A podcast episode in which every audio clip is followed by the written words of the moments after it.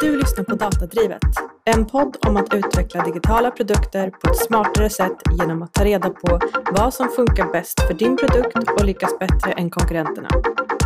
Vi som är dina poddvärdar heter Joni Lindgren och Jasmin Jaja. Hej och välkommen Katlin Ashes, eh, Head of Research and Insights på appen Dreams. Hej!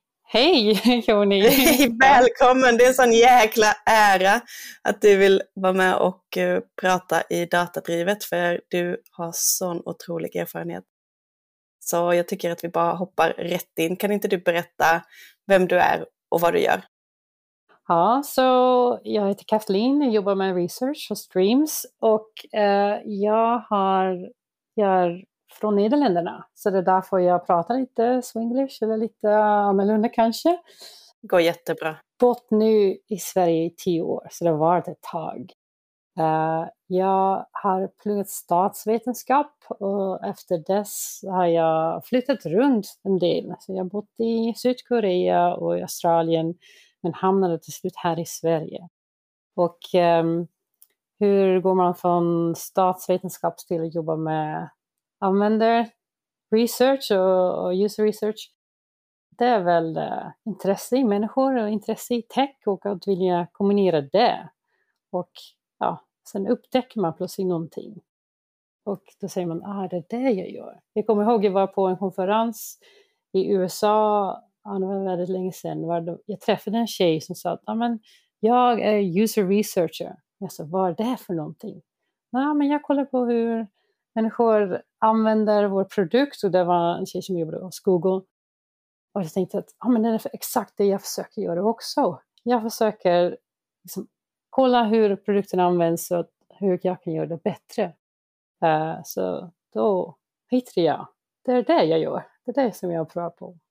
Coolt, för jag tänkte på det, statsvetenskap. Jag vet så många som har pluggat statsvetenskap och som gör så många olika saker. Um, ja. Men verkligen en nyfikenhet för människor. Ja. Eh, ni har ju också jobbat ihop, eller hur? Det har vi. Det var för ett tag sedan. Jag tror att det var 2015, så när vi började på Schibsted eh, som hade en satsning som heter Lifestyle Online. Ja. Och jag kom in som conversion specialist och du kom in precis samtidigt som UX research. Ja, jag var design även. Det Aha. kändes lite skumt. Jag som...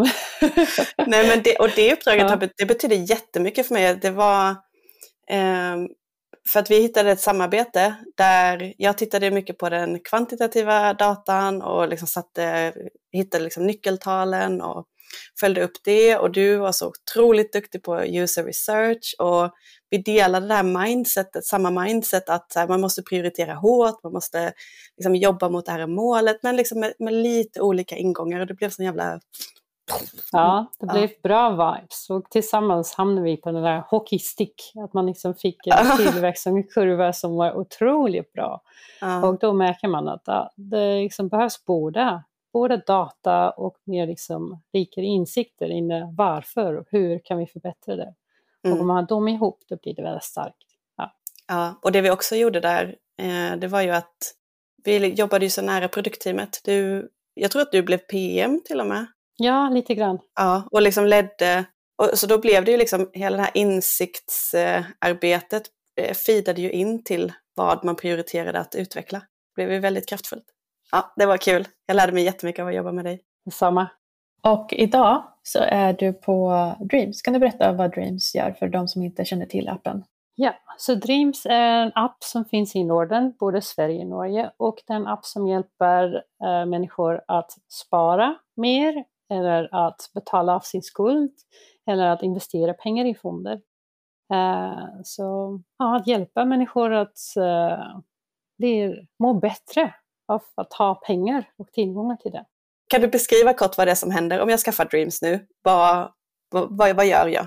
Ja, när du laddar ner appen, det som händer är uh, du öppnar ett bankkonto uh, egentligen via Dreams hos en annan bank. Eh, och sen startar du beskriva vad är mina drömmar, vad vill jag spara pengar till? Vi tänker liksom framförallt på sparandet här. Eh, och det du gör är att du skapar drömmar. Så man skapar ett dröm, en viss mål och en viss målbild. Även liksom man lägger till en bild även på det man drömmer eh, om. Eh, och sen börjar man spara Eh, med hjälp av enkla safe hacks, kallar vi det, eller sparhacks säger man på svenska. Eh, och eh, då kan man använda till exempel sparhack som kallas för tjuven. Och den tar lite pengar varje vecka från dig utan att du märker det. Och lite annan summa varje vecka. Ja, det låter väldigt tokigt, eller hur? Men en väldigt populär sparhack som vi uppskattas mycket för att man sparar en liten bit åt taget. Man vet inte riktigt när och hur mycket. Det finns en, en tak till det, får man får lägga till. Det är inte bara att det tar tusen spänn eh, utan att du vet om det, men typ 100 spänn eller 150. Eh, och sen sparar man ihop till att nå sin dröm. Eh, andra sparhacks är att man använder eh, det för sparligan. Så om man gillar fotboll kan man det är sparhack på säga att det här är min favoritteam och varje gång de skårar ett mål då sparar jag 10 spänn eller 50 spänn eller vad vet jag. Och hur bättre det går för mitt team, hur mer jag sparar till min dröm. Så man kan använda olika sparhacks och kombinationer av det. Men syftet är väl att visa dig att ah, du kan spara mer än vad du tror. Du kan komma i mål och du kan också sätta iväg pengar till det som är viktigt för dig och ditt liv istället för spendera sen, kolla hur mycket har jag kvar. Liksom att aktivt veta att ja, men nästa sommar vill jag på semester och jag vill ha en viss sorts semester och jag behöver så här mycket. Då börjar jag spara nu så att jag kan i lugn och ro boka den här semester i maj nästa år till exempel. Vad innebär din roll? Eh, den titeln Head of Research and Insights låter ju otroligt, men vad betyder det? Så mitt team gör allt de kan för att eh, få våra product teams och även andra teams att ta bättre beslut. Eh, att vara säkra att de tar rätt beslut som har impact på både vårt företag och våra användare. Och det är för att hjälpa alla att, att gå från gissningar och antagningar till att ah, men det här behöver våra användare, eller det här kan vi göra för att förbättra liksom, sparandet eller för att förbättra upplevelser. Så det är ett team som består av både eh, kvalitativa och kvantitativa researchers, så data eh, eller analytics och eh, user research. Jobbar ni liksom som att, finns det flera olika produktteam på Dreams? Ja. Ingår det då analytiker i varje team eller kan de få låna liksom, insikter från er? Hur har ni satt upp organisationen? Ja, vi har gått lite om och om i det där. Liksom först har vi haft våra researchers embedded, men vi är inte tillräckligt många, för vi har tre product teams och vi har inte tillräckligt många i mitt team för att stötta alla. Så sen har vi blivit lite mer centralt och finns det en backlog man kan lägga till saker i, men det är också, då blir man någon slags konsult i företaget och det är inte bra heller, för man blir alltid tillfrågad för sent. Eh, man behöver vara med liksom i starten så nu har vi någon slags hybridform, att vissa är embedded och vissa inte. Ja, det är lite efter behov och vilka projekt vi har och, och vad det är som är stort. Kan du berätta om eh, något konkret eh, projekt som ni har gjort eller något konkret som eh, du och ditt team har jobbat med senaste tiden? Ett bra exempel av ett projekt som vi gjorde mer centralt är att jobba med vår user journey, så kundresan. Och det gjorde vi förra sommaren, så det var ett sommarprojekt som är så superlämpligt för sånt, för det är väldigt många som inte är på jobbet, så då har man plötsligt tid för att jobba med någonting större. Eh, och då kollade vi på vad är vår kundresa? Och det gjorde vi både baserat på liksom data, liksom vad gör de flesta, men sen har vi också lagt till intervjuer för att förstå varför kunder gör vissa saker. Sen har vi också kompletterat det med insikter från vår science team. Eh, för vi har också um, ja, akademiska researchers eh, på företaget som då lägger till information om okay, hur vår hjärna fungerar och varför vi gör vissa saker. Så det blev ett väldigt uh, lyckat projekt. Berätta mer, jag vill veta allt. Hur gjorde du i starten? Vad hände? Liksom, varför valde du att göra det?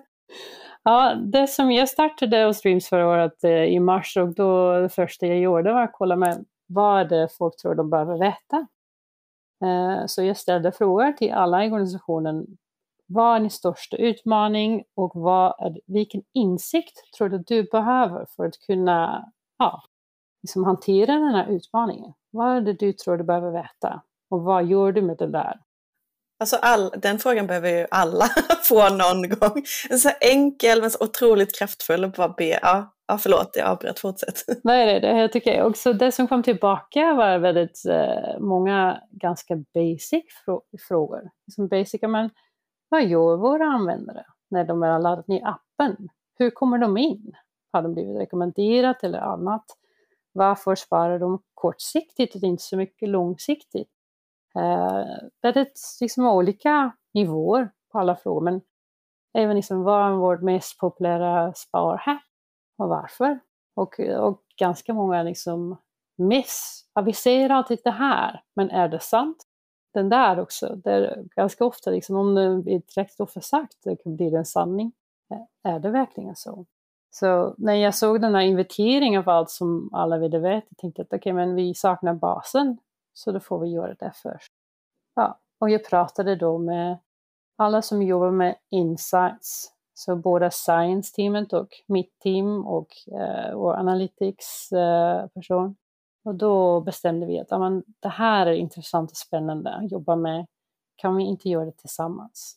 Och så blev det ett sommarprojekt. Det här är så bra instruktion för någon som är ny på jobbet.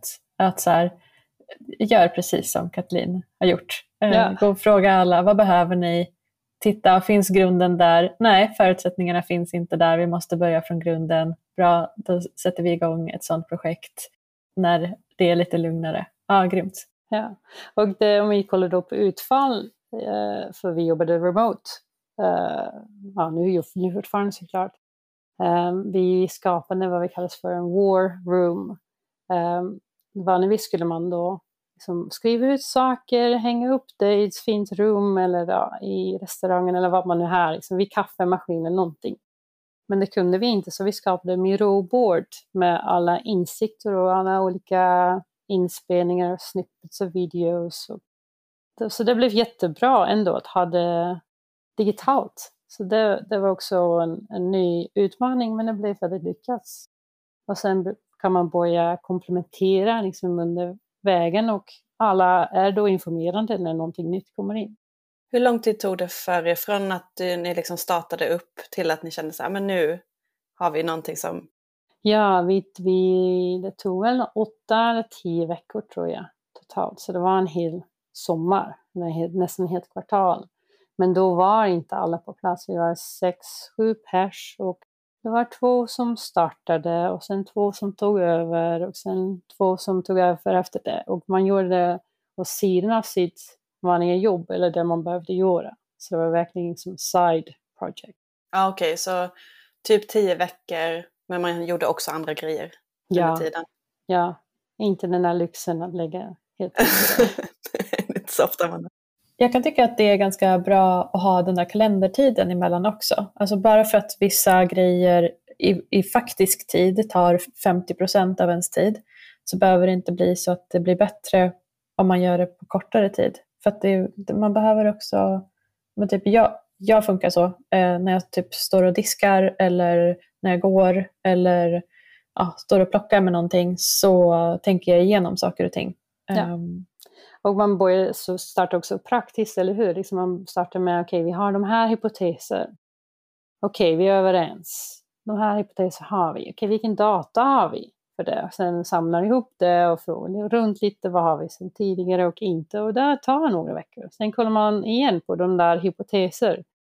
Okej, är de fortfarande viktiga eller inte? Vad har vi för svar? Okej, tar vi nästa steg. Vad är det som saknas? Och det är lite, man tar det steg för steg helt enkelt när ni hade någon, liksom den här kundresan och ni var ett gäng som hade jobbat med dem, vad var nästa steg efter det? Vad gjorde ni med den? Alltså vi gjorde en stor presentation av det på vår show and tell. Det har vi varannan vecka. Liksom då kan man presentera till hela företaget.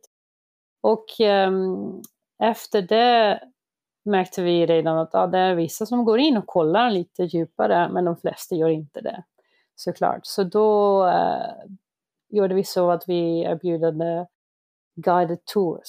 Så man kunde boka in sig som gör en request på, jag har en guided tour och vilka frågor har jag specifikt? För det blir väldigt stor, mycket information. Uh, och det är svårt att gräva igenom det själv. Så då, då kunde man komma in och säga att ah, men vi tre har specifikt den här frågan. Kan du guida oss genom det där? Så, och då gjorde vi några guided tours uh, för uh, olika teams och olika sammanställningar av människor. Det är väldigt lyckat. Ja, jag, jag, tänker, jag blir så inspirerad. Jag bara, jag vill vara en sån guide på en sån guided tour. Kom igen ni allihopa, spänn fast er, nu kör vi. Men tänk nu på det här exemplet dock. Vi fick en fråga, okej, okay, i vår savings marketplace, det är ett, ett plats i appen var man kan göra triggers på de olika save hacks vi har, sparhacks vi har. Uh, vi vill veta mer om det. Kan ni göra en guided tour? Jag började kolla i vår kundresa, i vår warroom och jag hittade ingenting. Jag blev helt stressad. Liksom, har vi missat någonting här eller var det, hur kan det, det här saknas för det är stor del av appen. Sen började jag kolla och tänka igenom det igen och kolla på kundresan och märkte att ja, men, finns inte med för det inte blir använt. Därför. Så om ni nu vill ha ett projekt för att förbättra den, är det ens värt det? Ska ni kolla på det eller någon annan del av kundresan som faktiskt blir använd nu? Um, så det var ändå liksom bra insikt. Men, men det hände dock. Liksom att de säger att ah, kan vi prata om det här imorgon? Och att jag satt en hel eftermiddag superstressad bara. Jag har ingenting. Hur har det här hänt? Så det var intressant. Ja, alltså det, där, det har jag också lärt mig den hårda vägen. Jätteintressant att så man, man, ska, man, man måste leta efter data som är där, mönster i data. Men man måste också leta efter mönster i data som inte är där. Det är, liksom, det är lika viktigt, men den missar man ju. För om, om ingen har triggat ett event eller liksom, ingenting har hänt, då får man liksom inte ut några rader med några siffror. Eller liksom att det hamnar så pass långt ner i tabellen som man tittar på. Ja, ah, gud vad intressant. Vad sa de då när du, när du liksom berättade det för dem? Ja, det var lite surprise and disappointed. Men sen såg de också att okay, men det är en bra insikt att ha. För är det värt att lägga tid på att göra om det här nu? Eller börjar vi lägga tid på vägen in? För om man inte har någon som kommer in ens så kan man göra om vad man vill och försöka pusha med notiser eller på något annat sätt att få in dem. Men det kommer inte att hända naturligt oavsett. Så det var, det var ändå bra. Men de var lite besviken för det fanns så mycket förutom det där, ja, det, det var såklart en överraskning. Kan du berätta om något mer konkret ni har gjort? Det här var jättespännande. Dela med dig om något mer ni har gjort. Ja, det som vi gjorde sist nu eh, som jag tycker är väldigt spännande och kul är ett experiment att um, inblanda fler i företaget i att göra user research själv. Och det kommer från den där insikt eller upplevelse att om man tar aktiv del hitta fram insikter, då äger man dem mer. Um, och såklart har det, om man user research och gör en intervju, då får man mycket rikare eller bättre data än när någon som är ovan med det uh, gör det. Men samtidigt uh, kan det vara väldigt värdefullt. Så vi gjorde en experiment i vår nya del av företaget, vår B2B2C-del. Så vi har precis börjat sälja vår produkt till banker som kan implementera det i sin banktjänst. Och vi har lanserat detta i Ukraina för eh, det, ja nu är det juni så det var i maj att vi lanserade denna nya tjänst. Och då har vi märkt att okej, okay, vi är väldigt, vi vet så mycket om våra kunder i Norden. Vi vet vad det är som, som krävs för att få någon att spara och vi vet hur det känns att använda appen för vi kan göra det själv också. Och vi känner våra kunder, vi har haft relationer med dem i fem sex år, så vi, vi vet vad det är som funkar där. Men hur funkar Dreams när det inte är en separat app, men det är någon funktion i din bank? En, en funktion, liksom en subfunction i din vanliga banktjänst. Hur funkar det då? Och jag märkte att det var väldigt få på företaget som riktigt förstod. Liksom man förstår att ah, ah det här är en annorlunda produkt det fattar man. Men det är fortfarande dreams. Så hur stor kan skillnaden bli när vi går till andra marknader och när vi är en underdel av en annan tjänst? Men jag fick känslan att det var inte tillräckligt mycket förståelse för skillnaden. Får man nå fler, väldigt många fler. Nu når vi alla som tycker att det är svårt att spara eller som tycker att det är svårt att betala av sin skuld. Men när man finns som en liksom funktion i en bankapp, då når man alla. Precis, och vilken, vilken påverkan har vilken bank man har snarare än att ni bara finns i en app, eh, i en bankapp. Liksom. Um, olika bankers kunder har lite olika relation med sin bank kanske eller lite olika typer av kunder också. Jag vet bara här i Sverige så är det jättestor skillnad på vilken typ av kund Swedbank har till, till exempel jämfört med Handelsbanken. Ja, eller hur? Och hur man identifierar med den där identiteten. Så för att upptäcka, få förståelse för skillnaden gjorde vi så att alla som jobbar inom den B2B2B del av uh, företaget, de blev inbjudna till att delta i användartester själv, hands-on.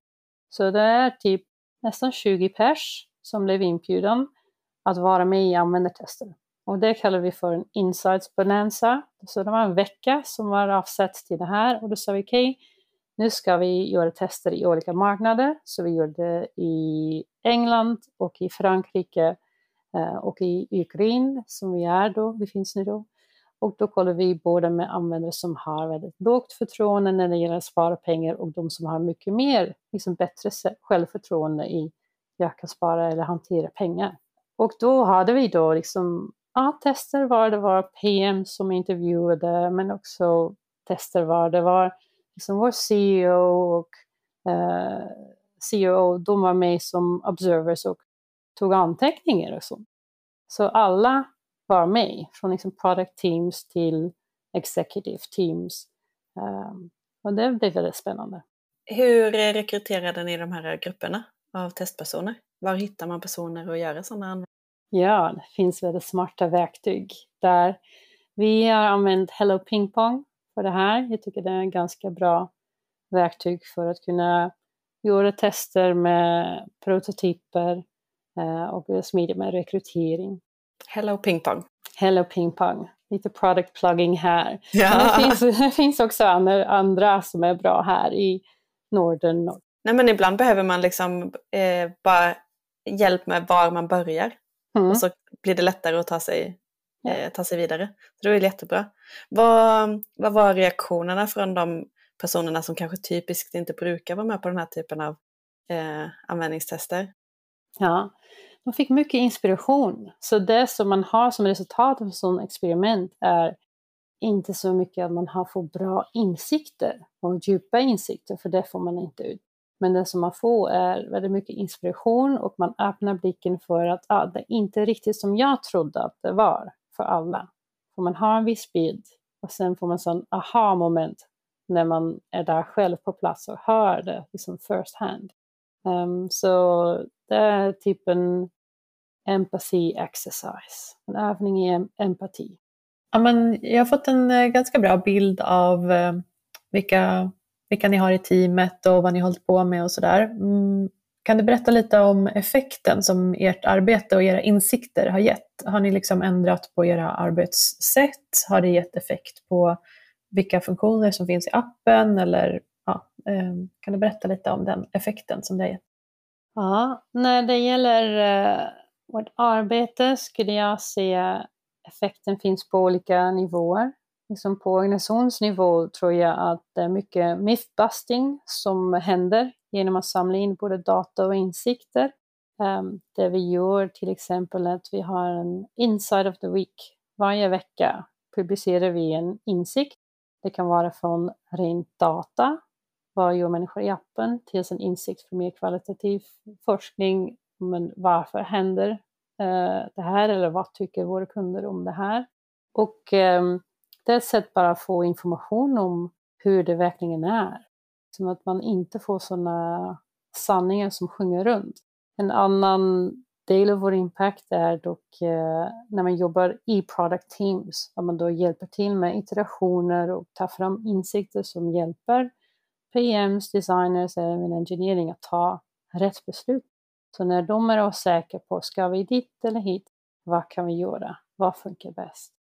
Ett exempel här är till exempel i, när vi då lanserade i Ukraina, då kollade vi våra flöden, kan vi kopiera exakt det vi har i Norden eller ska vi ändra det? Och om man, för man har en annan onboarding. I, när man laddar ner Dreams-appen här i Norden, då går man genom onboarding och skapar en bankkonto. Men vilket steg i flödet gör man det när man redan är i sin bankapp och liksom onboardet där. Så där har vi då experimenterat, men gör vi det tidigt skede eller lite senare? Och vi har lagt det mycket senare. Sådana steg för att skapa sparkonto. Det ligger liksom längre in i det här flödet för att skapa sin dröm och beskriva vad det är och sätta ett sparmål. Och då ser vi, okej, okay, men nu har det bättre konvertering helt enkelt. Det funkar bra för oss nu och det behöver inte vara tidigt. Så där itererar man då tillsammans till, ja men det här funkar bra, vad ser vi i data, vad ser vi i användartester, hur kan vi få det ihop till någonting som har bra effekt? Jag hör att du, och det vet jag ju sedan förut också, att du är liksom som en, en fantastisk inspiratör. Du är väldigt duktig på att få med dig folk. Kan du inte berätta lite om hur du har lobbat för att jobba datadrivet i din organisation? Ja, i den här organisationen var det ganska starkt behov av att göra det. För det fanns, det fanns science, liksom insikter från uh, beteendevetenskap med i grunden av uh, produkten. Så det har varit med liksom hela vägen. Så de har skapat produkten baserat på insikter av hur människors hjärna funkar och hur man kan stötta dem med nudges och boosting på bästa möjliga sätt. Så i det här företaget var det hur enkelt som helst. Det, var, det fanns behov, det fanns vilja, det fanns mycket starkt intresse, så, så, så det var enkelt. Men tidigare hos Schibsted, som vi sa precis att när jag kom in där och jobbade med dig Juni, då var jag designer. Det fanns inte ens någon enda user researcher. Det, det fanns inte på kartan att det skulle finnas. Um, så där har vi då liksom visat upp, det här händer när man har, gör user research, och det här, så kan man påverka produkten och så har man impact. Och när det var dags då, för jag var konsult där eh, som designer, när det var dags för en anställning, då sa jag också till chefen att ah, om du vill anställa mig, då får du anställa mig som user researcher. Och då ska vi skapa team kring det där. Och då ska vi jobba med att få alla jobba på det här sättet och att träna alla designers att kunna göra user research själv och så vidare. Så då får man visa upp det först och sen göra lite lobbying för att få det att funka bättre och bättre och växa inom det. Jag tänker på en som jobbar i en organisation som inte är, alltså, som, för du pratade nu om att eh, här var folk väldigt intresserade av eh, Eh, psykologin bakom, jag menar med, med att spara, det är ju så mycket annat som, som sker. Eh, beslutet att börja spara kanske inte sker i Dreams-appen utan utanför, kanske runt ett köksbord. Så här, ska vi göra en kul grej eller man drömmer sig bort själv och sen så tänker man att man behöver pengar. Men, eh, så där många var intresserade av psykologin bakom. Men hur gör man i en organisation där folk inte är så intresserade av att jobba på det här sättet? Eller? Ja, uphill battle skulle jag säga. Och det låter väldigt tantigt men, men det är väl, man får visa upp och det, jag får ofta den här frågan att okej, okay, men jag får inte göra användartester. Man säger att ja, men du kan göra det oavsett. Man kan göra guerrillatester ute på gatan eller man kan börja fråga runt i familjen, bara få insikter och försöka mixa, blanda in det. Man behöver inte ha stort budget eller tillstånd från någon för att börja jobba mer med insikter och kolla utanför det jag tycker eller mitt team tycker eller vad, vad vi tycker är viktigt. Den där med att kolla utanför, det kan alla göra oavsett. Så där ska man starta tycker jag. För några år sedan så jobbade jag med en sparapp som heter Capital som bara finns på den amerikanska marknaden, men det är svenska grundare.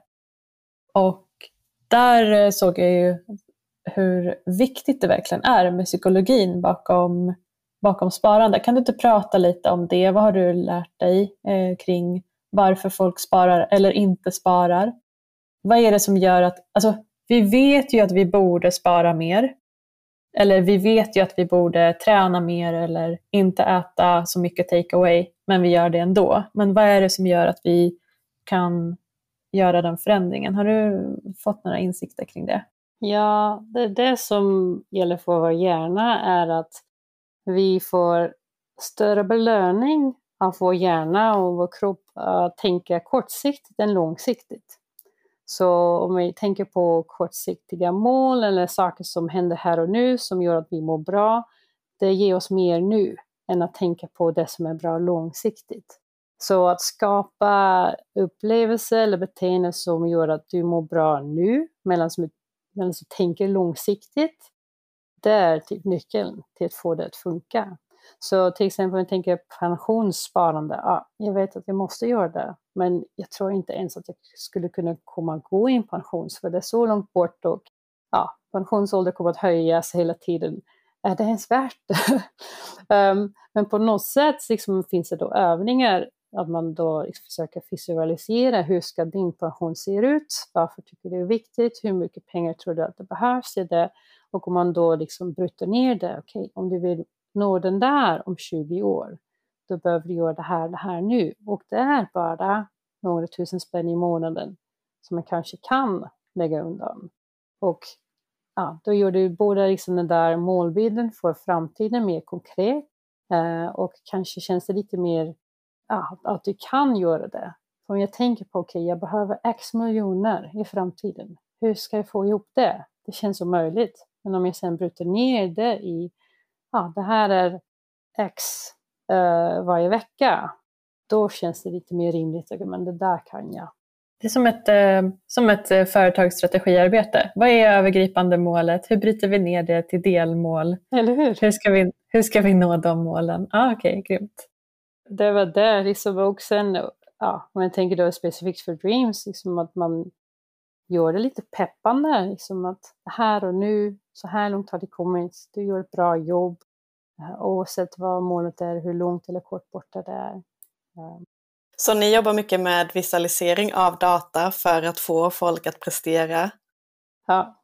bättre för sig själva? Ja, och det var skillnaden. Liksom, våra användare gjorde intervjuer förra året och det var också en användare som sa att ja, varje gång jag går, går in på bankkontot då mår jag dåligt. Som för det är bara, jag ser bara siffror.